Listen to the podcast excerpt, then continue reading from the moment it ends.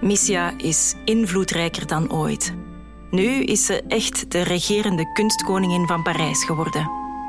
Eindelijk vindt ze haar grote liefde.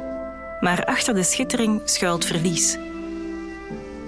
Ik ben Catharina Smets en samen met de muzikanten van het ensemble Revue Blanche, Anouk, Chris, Caroline en Lore, doken we in wat er over haar geschreven is. In de biografieën en de roddels zochten we op foto's, in muziek, op schilderijen en in toneelstukken naar het spectaculaire leven van Missia Godebska Natanson Edwards Sert.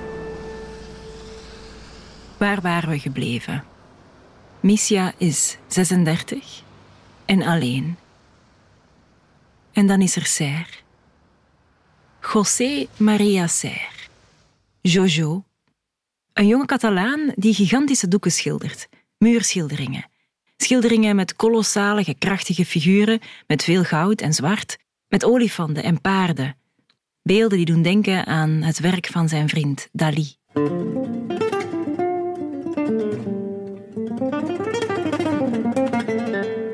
Een onverwachte, bruisende en hoffelijke verschijning, die ik met niets of niemand kon vergelijken. Zijn taalgebruik was even onverwacht als zijn voorkomen. Een licht Catalaans accent kleurde zijn Frans, waarin hij de meest ongerijmde verhalen vertelde. Hoe hij eenden als otters beschilderde en otters beplakte met eendenveren. Of over hoe hij op een tocht door Calabrië ooit zijn paard zijn strohoed moest voederen om het beest zijn honger te stillen. Vooral de handen van de man fascineren Missia. De duimen van een levendig, fel, zinnelijk, onstuimig, nieuwsgierig, gevoelig en overheersend mens. De duimen van een kunstenaar, voor wie geen zee te hoog ging. Missia vindt hem vermakelijk en ook een beetje irritant. En ze is helemaal niet verbaasd dat hij haar zonder al te veel omhaal vraagt om hem in Rome te komen opzoeken. Missia vertrekt de volgende dag. En vanaf dan zijn ze onafscheidelijk. Het mysterie van de samenloop van de lotsbeschikking van twee personen is ondoorgrondelijk. Ik volgde onweerstaanbaar mijn intuïtie. Serre is een lichtpunt. Als iets geheel nieuws en onverklaarbaar aantrekkelijks. Een raam dat wijd open werd gezet naar een leven vol beloften. Het is een heerlijk leven. Het is 1912. Het was de tijd van een kip voor drie francs. De cancan, de dames de chez Maxime, de soupers in het château de Madrid. Het was de tijd van de viooltjes voor twee stuivers, van de vrolijke snolletjes van de Chat Noir. De tijd van de schitterende feesten, het bezoek van de buitenlandse vorsten. De tijd van de feerieke ballet Rus, de hoog oplopende meningsverschillen, van de bruisende lichtzinnigheid van de variétés, het boulevardtoneel en tegelijkertijd het opkomende impressionisme, het debuut van Stravinsky en de opkomst van het cubisme. Het was de tijd van de gouden franc en een sluitende landsbegroting.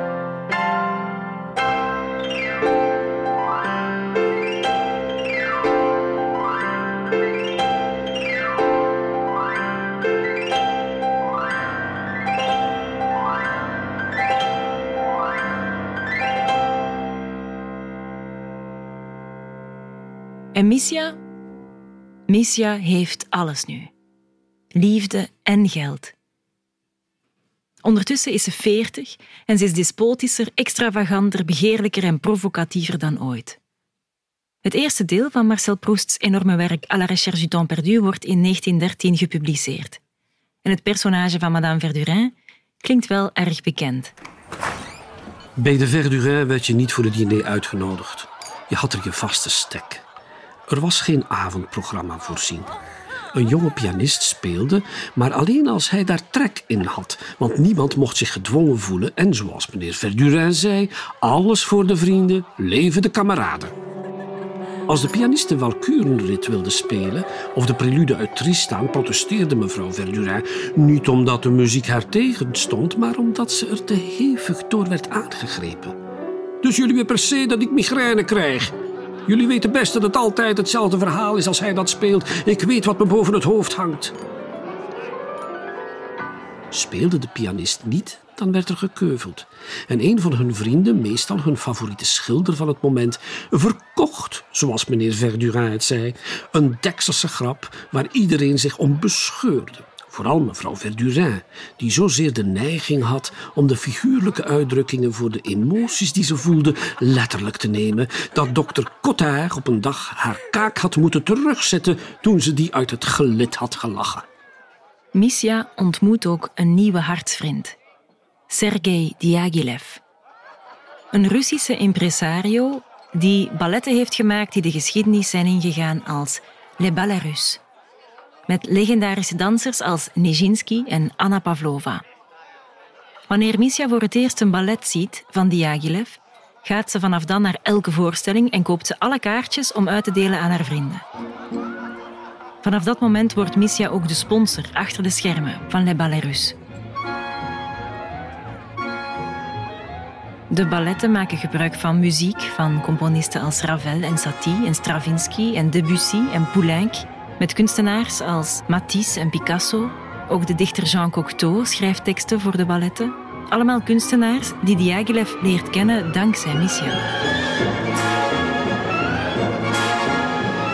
Vanaf het moment dat Misja en Diaghilev elkaar leren kennen, zijn de twee Slavische zielen onafscheidelijk. Hij kon niet uitstaan dat ik niet in zijn buurt was als hij een belangrijke beslissing moest nemen. En bombardeerde me letterlijk met verwijtende telegrammen zodat ik snel naar hem toe moest komen. Ze hebben epische ruzies, die ze dan gauw weer bijleggen met briefjes, zoals deze. Je beweert dat je niet van mij houdt, maar alleen van mijn werk. Laat ik je dan zeggen dat voor mij het tegenovergestelde geldt, want ik hou van je met al je talrijke tekortkomingen.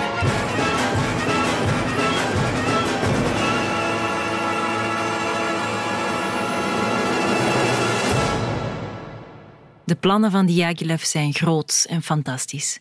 Zijn balletten zijn revolutionair, met fantastische decors en kostuums, met stoffen die Diaghilev koopt op markten in Rusland. De balletten zijn scabreus, zoals de dierlijke erotiek van L'après-midi d'un faune.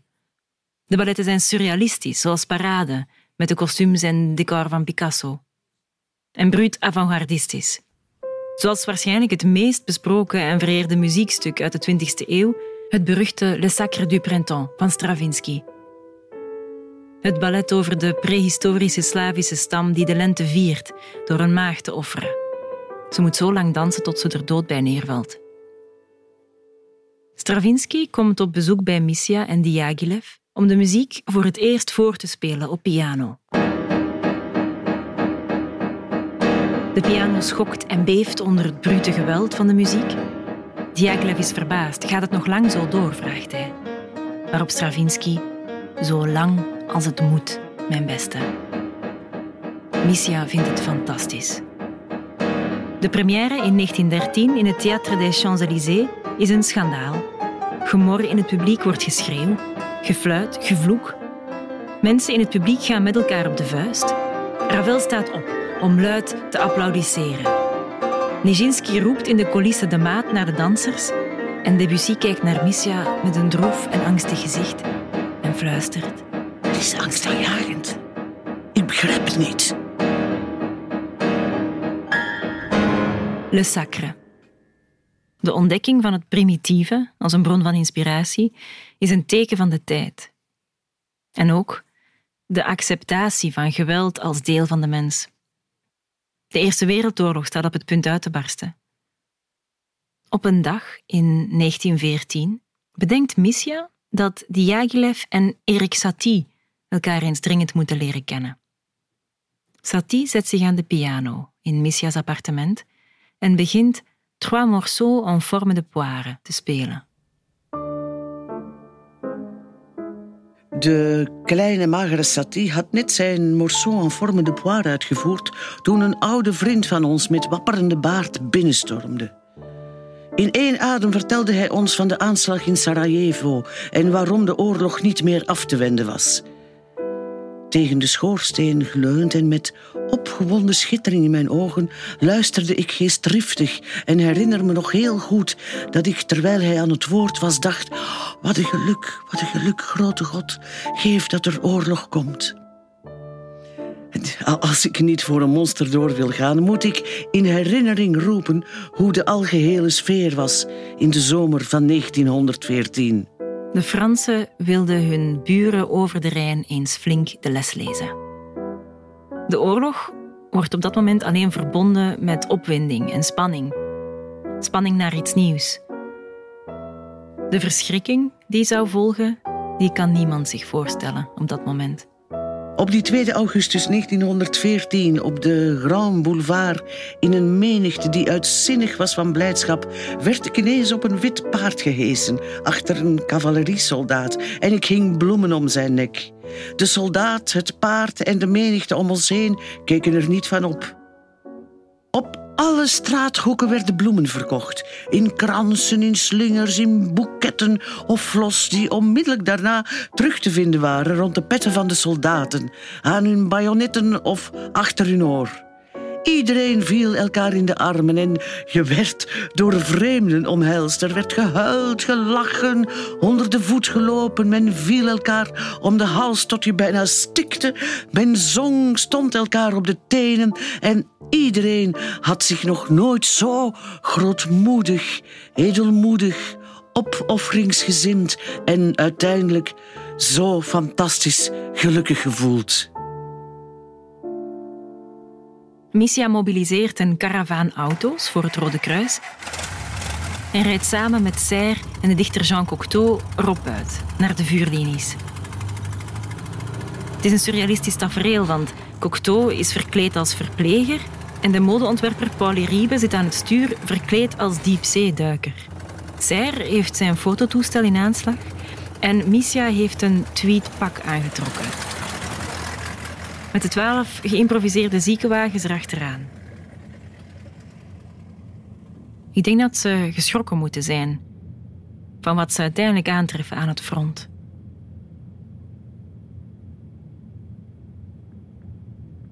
Toch gaat in Parijs het feest gewoon door. Ja, wie alleen de Tweede Wereldoorlog heeft gekend met de nachtmerrie van de bezetting en het spookbeeld van de hongersnood, kan zich moeilijk voorstellen hoe het in Parijs was tussen 1914 en 1918. Niet alleen was er nooit gebrek aan voedsel, maar in de restaurants werd er zelfs gezorgd voor muziek en dans. De theaters zaten vol en men deed al het mogelijke om het feest door te laten gaan. Erik Satie, Jean Cocteau en Pablo Picasso maken samen met de Ballerus van Diaghilev de kleurrijke en surrealistische voorstelling Parade.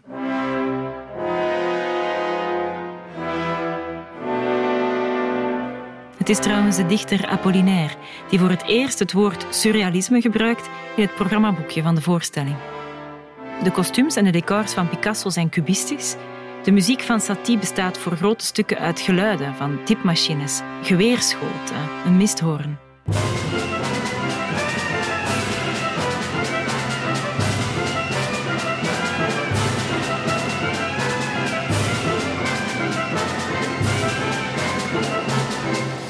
En het ballet is weer een schandaal.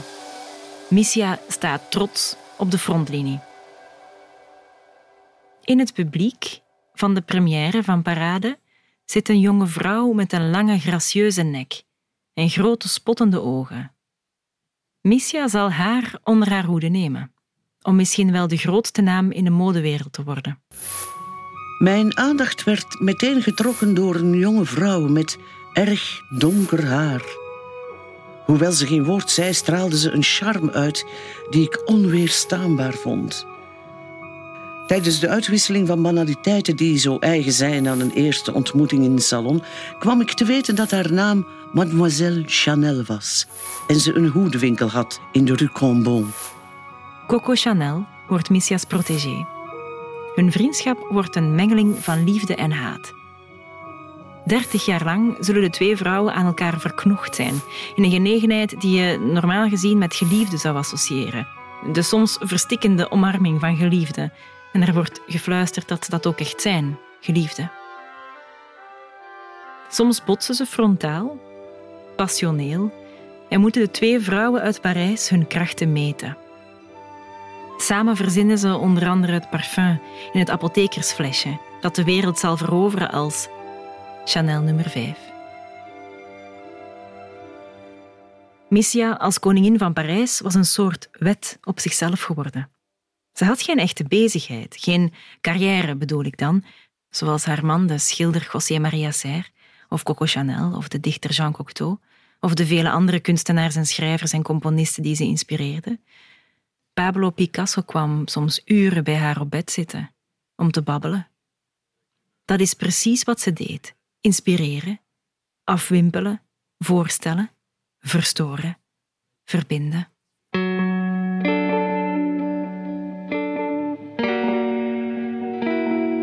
In 1933, na een groot feest, waar Missia ook publiek piano heeft gespeeld, schrijft Jean Cocteau in Paris Midi.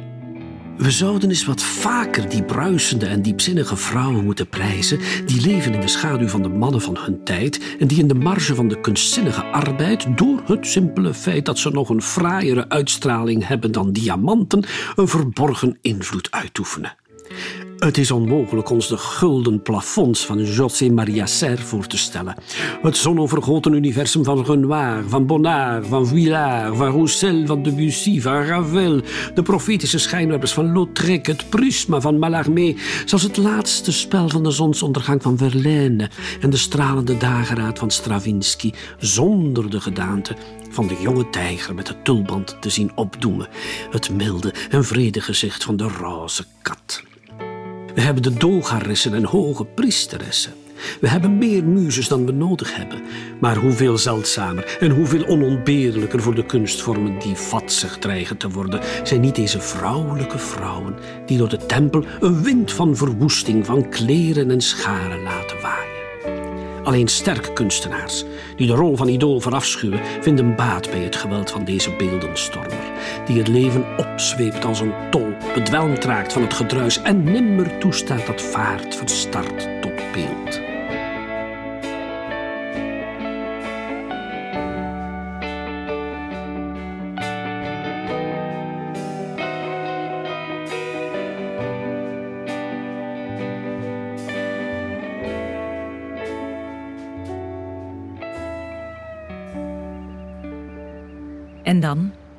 slaat de liefde weer toe, in de vorm van een Georgische prinses.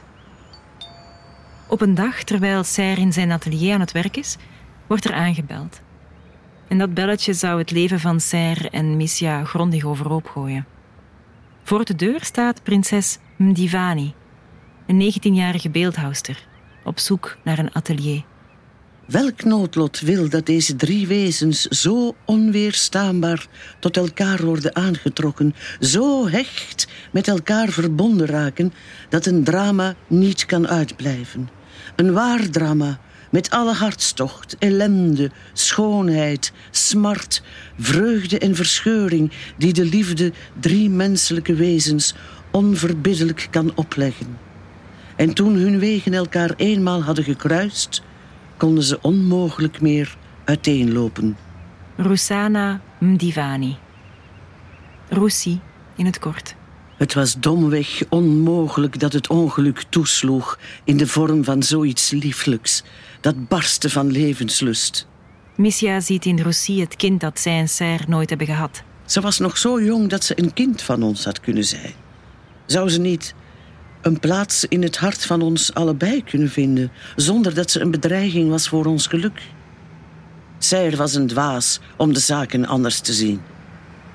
Serre is echter verliefd op het meisje. Ze was soms teder Roussi is betoverend. en dan weer nukkig, haalde je aan als een veulen met zijn hoofd doet, stak de ene sigaret met de andere aan, was veel eisend, aanhalig, vrat als een hongerige wolf op elk uur van de dag de provisiekast leeg, zat boordevol sprookjesachtige plannen, lachte uit volle borst en vertrok dan weer, terwijl ze je geheel verdwaasd door dit wonder achterliet. Het trio wordt onafscheidelijk. Ze gaan samen op reis. Missia en Roussi slapen samen in één bed. Maar langzaam, maar zeker, worden Roussy en Serre meer tot elkaar aangetrokken. Zelfs voor het schaamteloze Parijs van het interbellum is een zo openlijke ménage à trois wat te veel van het goede. Missia, die nogthans veel gewoon is, leidt nu onder de roddels. En weer worden er theaterstukken opgevoerd, geïnspireerd door het leven van Missia. Zelfs Jean Cocteau schrijft met Les Monstres Sacrés een stuk gebaseerd op de verscheurende liefde en de zelfopoffering van Missia. De meest donkere geruchten beweren dat het koppel het jonge meisje gevangen houdt in hun appartement en drogeert voor hun perverse pleziertjes. De waarheid is wel dat de drie veel drugs beginnen nemen. Serre is al een hele tijd verslaafd aan de cocaïne. Missia begint verlossing te zoeken in morfine. En Roussy, de volatiele Roussy, probeert alles. Elke mening over mijn gedrag deed me pijn. Dat ging niemand wat aan. Dat was iets tussen ons drie en on onze liefde, mijn gevoelens. Dat men over ons sprak was voor mij een bezoedeling. Oh, ik weet het wel, mijn, mijn, mijn zenuwen lagen bloot, maar het was alles wat me van mijn liefde restte, waarvoor ik nog vocht. De verhouding wordt toxisch. Langzaam maar zeker moet Missia onder ogen zien dat Roussy en Serre voor elkaar kiezen. En Missia houdt zoveel van Serre dat ze zijn geluk niet in de weg wil staan. Wat me misschien mijn hele leven wel het meest verbaast, is tot op welke hoogte de liefde onaantastbaar, onverwoestbaar is.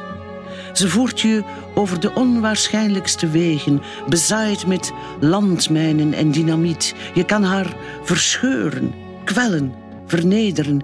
Ze blijft overeind, ongeschonden en zuiver, gehuld in de lompen waarmee het leven haar heeft behangen. Ze wil hem alles geven, zelfs de vrouw die hij lief heeft. Uiteindelijk kiest zij definitief voor Roussy. Serre vraagt Missia om raad bij het uitkiezen van een verlovingsring en Missia gaat nog met hen mee op reis. Maar eens terug in Parijs woont Missia alleen. Ze vlucht met Chanel naar de Verenigde Staten, naar Hollywood. Wanneer ze terugkomt zijn Serre en Roussy getrouwd. Ze trekken in het appartement in de Rue de Rivoli 252, dat uitkijkt op de Place de la Concorde en de Tuileries. Missia schrijft een brief aan Serre. Dat ze toch blij is om hen terug te zien. En tegelijk voelt ze zich in de steek gelaten, oud. Wat kon jij trouwens begrijpen van mijn gevoelens? Jij die juist een heel nieuw leven was begonnen. Hoe had jij je kunnen voorstellen dat ik, eenmaal weer thuis, uren en uren aan een stuk bij de telefoon zat te huilen en me vastklampte aan de schamele hoop een van jullie nog te horen voor de nacht ons zou scheiden, wat mij een eeuwigheid leek. Langzaam, maar zeker maakte zich van mij zo'n ziekelijke treurigheid meester, dat ik in ernst de meest absurde remedies begon te overdenken. Roussy en José Maria Serre trouwen in 1928. In hetzelfde jaar schrijft Jean Cocteau een monoloog voor een vrouw die wacht aan de telefoon. Voor de laatste keer probeert ze haar man te overtuigen bij haar te blijven. Het telefoongesprek is een wanhopige poging om het verdriet en de leegte te keren. La Voix Humaine, zo heet het toneelstuk. In 1958 zet Poulenc de monoloog op muziek voor een opera.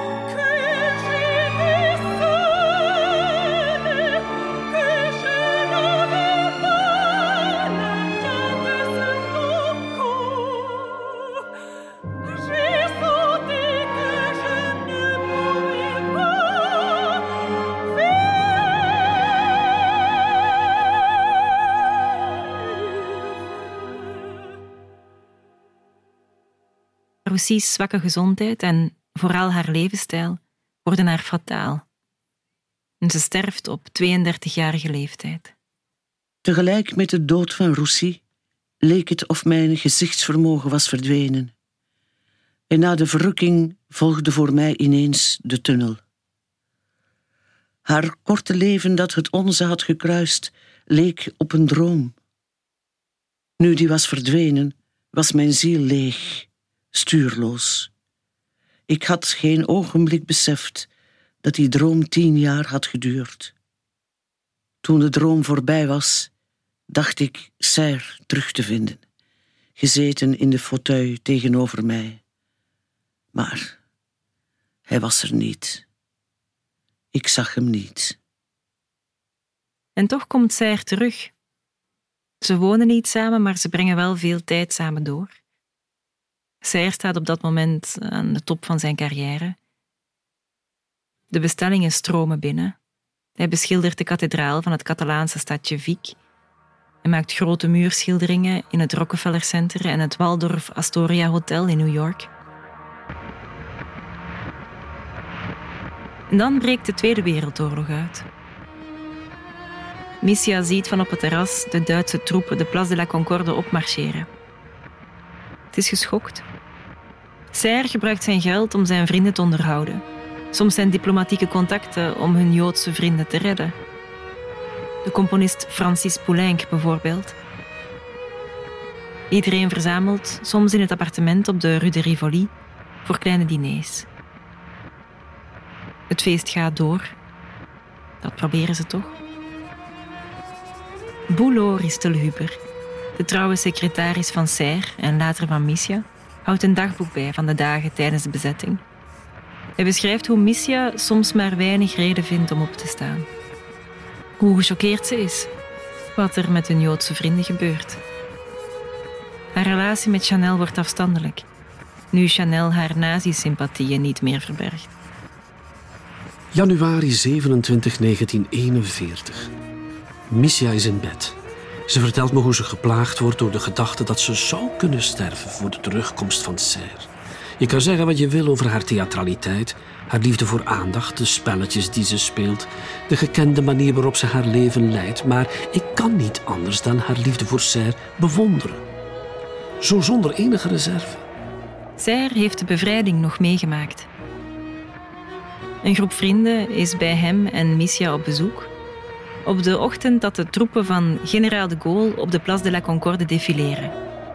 Er vliegen zoveel kogels die vanuit de Tuileries en vanaf het ministerie van de Marine worden afgeschoten, dat geen enkele ruit van het appartement heel bleef. Iedereen duikt in de kasten, achter zetels, onder de rijkdekte tafel.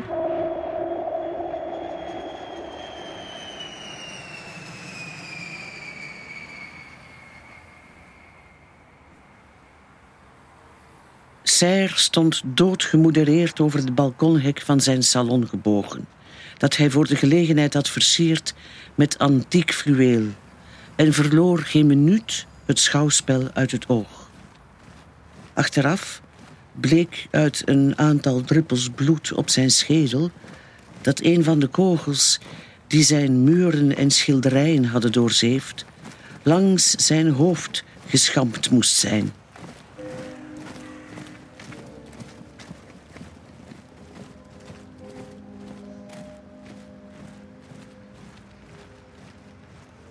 Maar dan wordt Serre ziek. Met zijn dood verloor mijn leven alle zin.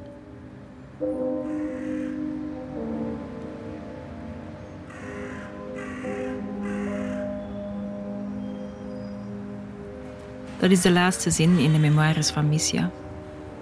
De memoires die ze vanaf zijn dood, vlak na de Tweede Wereldoorlog, begint te dicteren aan de trouwe en vreemde Boulot. Missia kan dan geen piano meer spelen. Ze kan niet meer schrijven. Ze is bijna blind.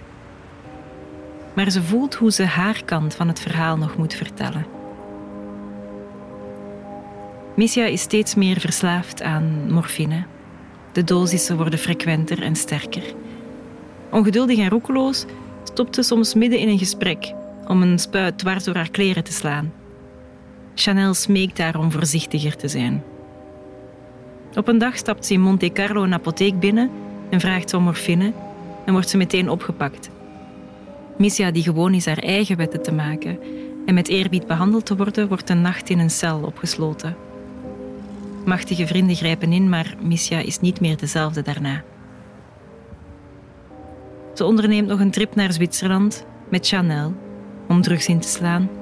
De twee zijn weer min of meer vrienden. Hoewel Chanel Missia's liefde voor Joden en homoseksuelen nog altijd afkeurt. En dat ze een perfide mensenverslinster is. Een parasiet van het hart, zegt Chanel. We houden van mensen omwille van hun tekortkomingen en Missia gaf me veel reden om van haar te houden, zou ze vaak gezegd hebben. En toch is het Chanel die naast Missia's sterfbed zit.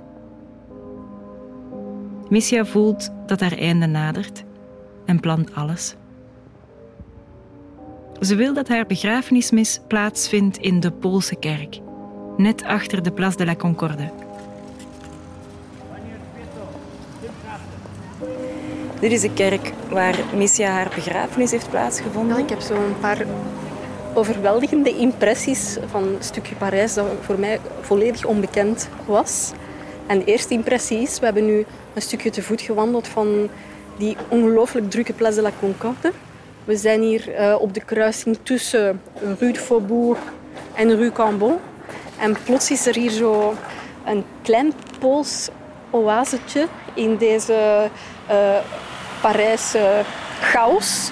En ook toen we binnenkwamen, ineens al het geluid van buiten was volledig, volledig verdwenen. Heel cool, heel gefocust ook. Eigenlijk, je kan maar één, in één richting kijken en recht naar het altaar. En dan, dan denk ik zo, wat deed Missia hier, hoe dikwijls kwam ze hier, wat voor een gemeenschap, uh, Poolse gemeenschap leefde hier. Maar ik kan me voorstellen dat dit echt een refuge voor haar was. En dan gewoon ook even die stilte, die focus, zo de buitenwereld die helemaal wegvalt. De, de gebeden die je samen opzegt in, in je moedertaal, dat moet echt een, een transformerend effect hebben.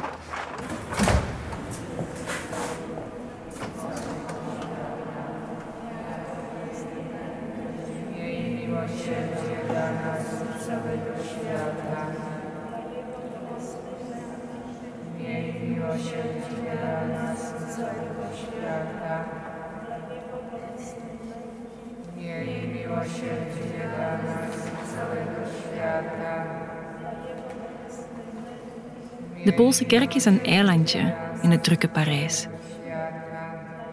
En toevallig, of helemaal niet toevallig, wijst sofitaasme op het plafond. Wanneer je in de kerk naar boven kijkt, zie je Maria, die boven iedereen uittorent. In het Pools is Missia trouwens het verkleinwoord van Maria.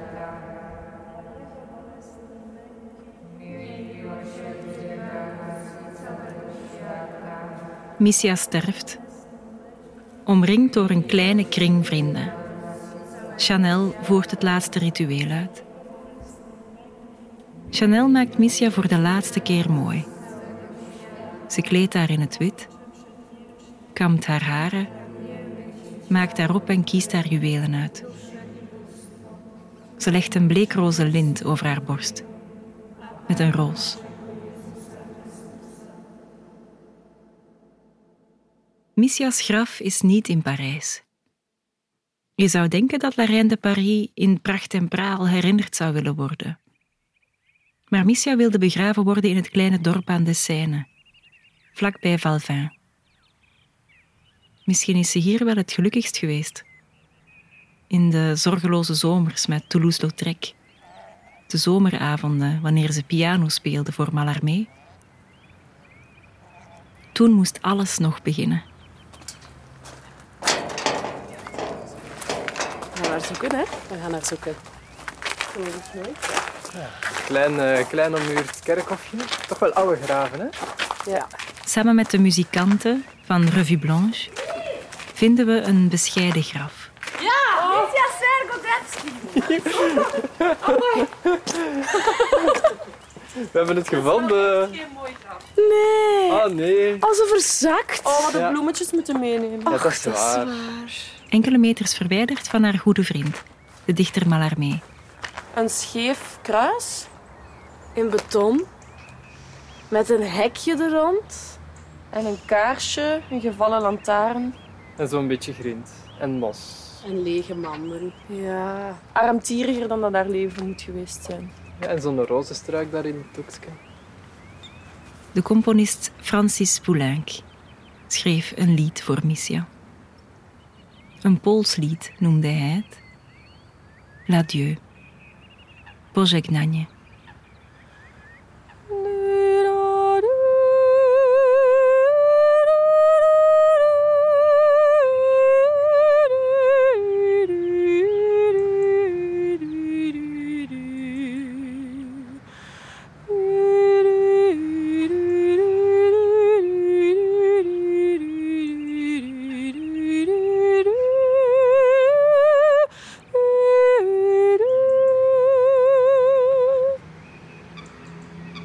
Laatste strofe klinkt als volgt. Ik zal je een liedje zingen. Een liedje zo mooi als jij. Niet huilen. Hou je tranen voor moeilijkere dagen. Misschien keer ik ooit terug. Misschien ook niet.